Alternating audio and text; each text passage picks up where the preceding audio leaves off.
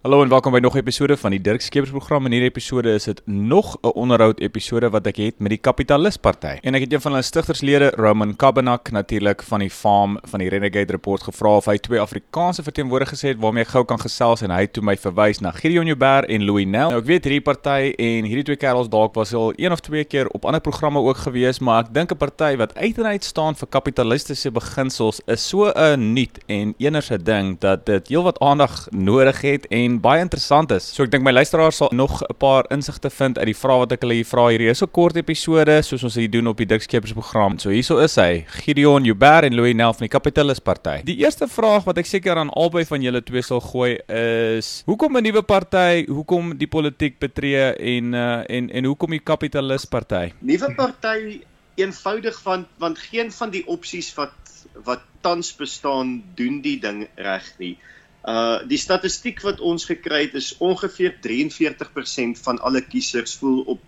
op hierdie stadium van die wedstryd haweloos. Hulle weet nie vir wie om te stem nie. Daar's niks met wat hulle self kan vereensgewig nie. Ek dink 10 jaar van Jacob Zuma en sy familie, familie en die Guptas het het ons kiesersbasis so sinies gemaak oor politiek en oor politici wat ek in die algeheel kan verstaan. Uh jy moet absoluut uit klip gemaak word om om nie na dit sinies te voel nie. En die ouens wat die party begin het, uh Roman Kanthen en jou het hierdie gaping gesien, maar nie uit 'n politieke oogpunt uit nie. Dis om 'n 'n werklike verskil te maak in hoe dinge gedoen is. En soos die sosialiste altyd daarvan hou om te sê in Engels real socialism has never been tried. As ons vir jou vandag sê maar werklike kapitalisme in Suid-Afrika ten minste was nog nooit probeer nie is dit glad nie 'n lieg storie nie. Ons het nog nooit regtig vrye mark beginsels uh omhels in Suid-Afrika en gekoester en en probeer om dit uit te leef nie.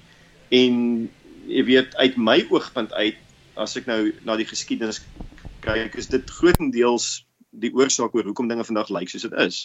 Um ek gaan nou vir Roan oorgee dat hy hy kan aangaan met gesprek.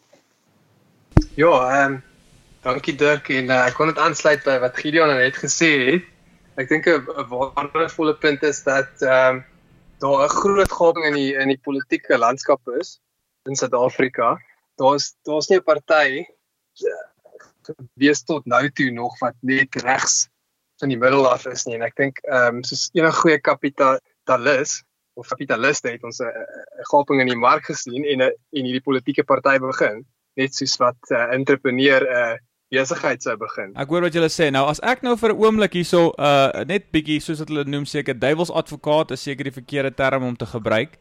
Maar uh as ek nou hierso gaan sit en kyk en van die terugvoer wat ek nou kry hier op my program en op Twitter veral as ek nou dophou wat daar aangaan, dan is die grootste kritiek wat ek seker sien is dat julle dalk onrealisties is oor julle verwagtinge. Wat is julle verwagtinge? Wat dink julle kan julle doen in terme van as ons nou met persent praat in terme van stemme en en dink julle kan julle dalk een setel behaal of dalk meer? Ehm um, kyk ons is ons is ambisieus. Ons mik vir 10 setels en ehm um, dit dit is ambisieus en ons het 500 000 stemme nodig daarvoor, maar ehm um, ons glo ons kan dit bereik. Soos Gideon gesê, daar's daar's baie kiesers wat ehm um, onseker is en nie gestem het in die 2014 verkiesing in die nasionale verkiesing nie.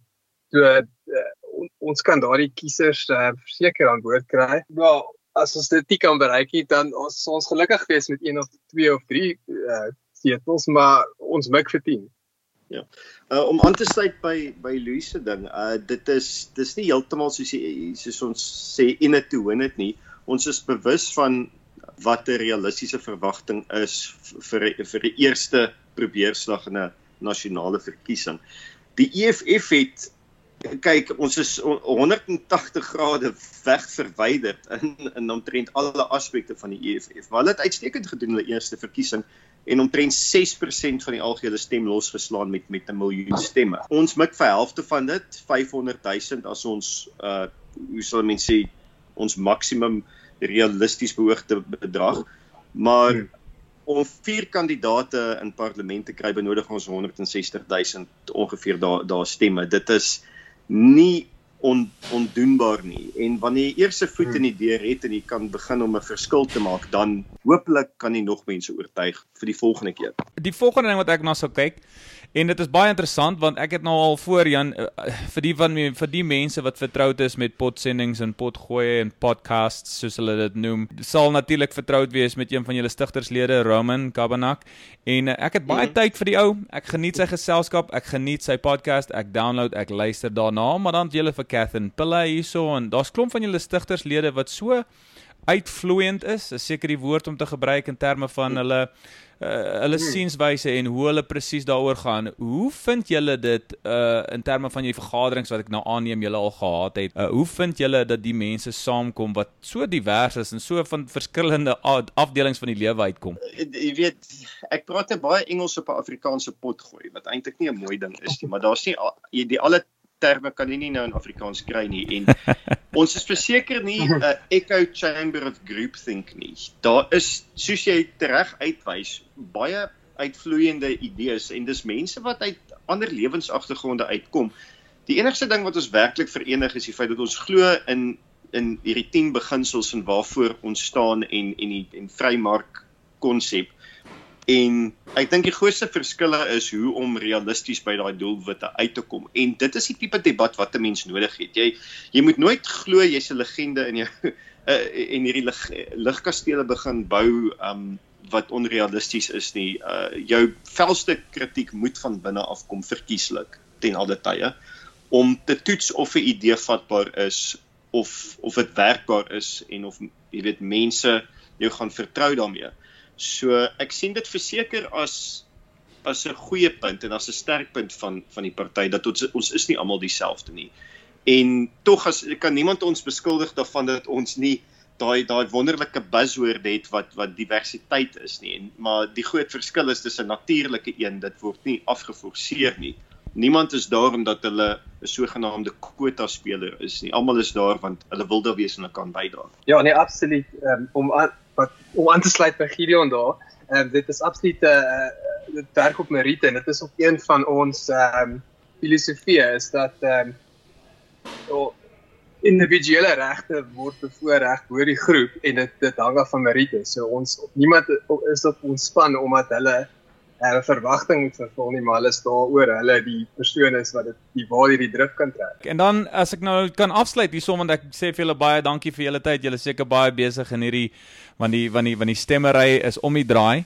As ons kyk hierso na Gary van Onslin en hy sê ja, julle staan direk teenoor uh, in ideologies nou gesproke teenoor die ANC of die Suid-Afrikaanse Kommunistiese Party en die EFF maar julle belyn julleself min of meer eh, met wat van die DA se kiesers sou in 'n party wil soek. Wat sal jy sê aan Gary van Onslin as hy nou sê julle gaan basies as julle suksesvol is en dit lyk as ek nou aanlyn net kan sien hoe die gevoel daaroor is. Al wat julle gaan doen is julle gaan die DA swakker maak. Wat sal julle sê aan daai tipe kritiek? Right, ehm um, Dirk, ek het ehm um, Gary van Onslin se gesprek of sy uh idees op Twitter gesien en ehm um, wat hy vergeet om te noem in daardie ehm um, thread of of uh, draad van gedagtes wat hy daar uitsit is dat hy fokus net op die ehm um, die die kiesers wat uh vir die ANC of die ehm um, EFF of die DA-stelsel maar daar's ook baie uh, ouens wat op die draad sit wat nie wat nie gaan stem nie of nie gestem het nie. As ek dink dit is reg van ons ons hulle se ehm um, uh, vrou partner is is 'n uh, parlements uh, is 'n is 'n politiek politikus in die DA self. So hy hulle natuurlik hierdie ding al baie debatteer en so en um, ons kry baie reaksie van die veral die DA uh, raadslede en um, politici wat ons opmerk. So ek dink ons ons is tog um, kompetisie vir hulle in daai sin dat ons van hulle kiesers sal ehm um, lok, jy weet. Ek meen op 'n van die dag is dit 'n kompetisie van idees en uh ek wil net seker ter afsluiting hierso sal ek uh seker net maar een van die mees uh gevra wat daai wat daai vrae is sê waar kom julle aan julle uh handelsmerk, die logo? Wat is dit met die perskoei? So die die perskoei, uh die oorsprong daarvan dink ek is eintlik by Sarah Britton. Sy is ons uh kampanje bestuurder en uh, grootendeels 'n uh, een van die groot breine agter die storie. En koeie en beeste en al hierdie dinge is is 'n tradisionele simbool van rykdom in in Sub-Sahara Afrika. En as jy dit nou kombineer met pers wat blykbaar en ek is glad nie 'n 'n 'n kenner op hierdie veld nie, maar pers is blykbaar die kleur van uh van rykdom en vooruitgang. Die twee nou kombineer met mekaar, dan kom jy uit op hierdie simbool van welvaart wat nou die perskoei is en ek moet sê die hoeveelheid mense wat hulle profielprentjies op sosiale media verander na hierdie perskoei toe het my nogals uh, dronk geslaan, bietjie uit die veld uit hmm. en dit is baie oulik om te sien. Ek hoop ek hoop baie mense doen dit. Dit is nice asseblief. En natuurlik die reaksies is ook uit en lopend. Party mense haat die die logo en so, dit is aaklag en dit is 'n oogseer. So Ja, mens kan nie almal gelukkig maak. Daar is nie so iets so slegte publisiteit nie. Nee, absoluut. Wonderlik. Ek weet nie of julle iets gou vinnig wil noem ter afsluiting hierson nie en uh, dan sê ek vir julle weer baie dankie vir julle tyd. Louis, ons begin by jou. Ja, Dirk, uh, net ter slotte, ek dink ek wil sê niemand van ehm um, ons is nie politici nie, ons is ehm um,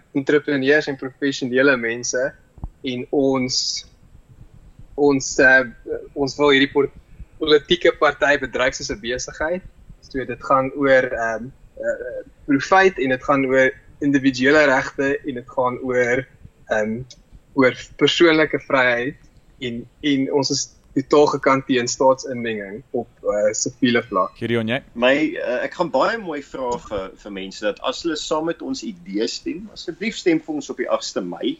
Uh, ons is lus vir die fight. Dis 'n dis 'n geveg wat 'n mens moet aanpak. Dit is ek voel Suid-Afrika is hier op 'n event horizon waar ons uh jy weet amper in in hierdie swart gat ingesuig word. Uh hmm. en ek wil nie dit moet gebeur nie. Daar's daar's te veel in hierdie land waarvoor ek omgee en dit is hoekom ek en ek is redelik seker ek praat vir die res van die ouens hoekom ons ons hierdie ding aanpak. So as wat ons sê resoneer by jou, ehm um, hou dit in gedagte en maak jou kruisie waar jy gelukkig gestaan. Dis natuurlik Gideon Joubert en Louis Nel manne van die Kapitalis Party wat hier in vroeg in Mei natuurlik gaan deelneem aan die verkiesing. Gaan lees verder van hulle daarso op Twitter. Ek julle het 'n webtuiste. Wat is wat is die adres daarvan dit? Ja, capitalist.org.za. Daarso is ons twee twee Afrikaanse verteenwoordigers van die party wat daar vir julle 'n bietjie inligting gee. Ek sê vir julle manne baie dankie weer eens en uh miskien kan ons 'n opvolggesprek hê nadat julle sommer baie setels gekry het in die opkomende uh verkiesing. Ek sê vir julle baie baie dankie. Dankie Dirk. Baie baie dankie Dirk. So daai het julle die manne van die Kapitalist Party. Ek dink julle moet dalk net verder gaan kyk wat hulle te sê het aanlyn. Baie interessante goed, baie eenvoudige reguit op die man af goed en ek dink dit gaan interessant wees om te sien hoe doen. Tot 'n volgende keer.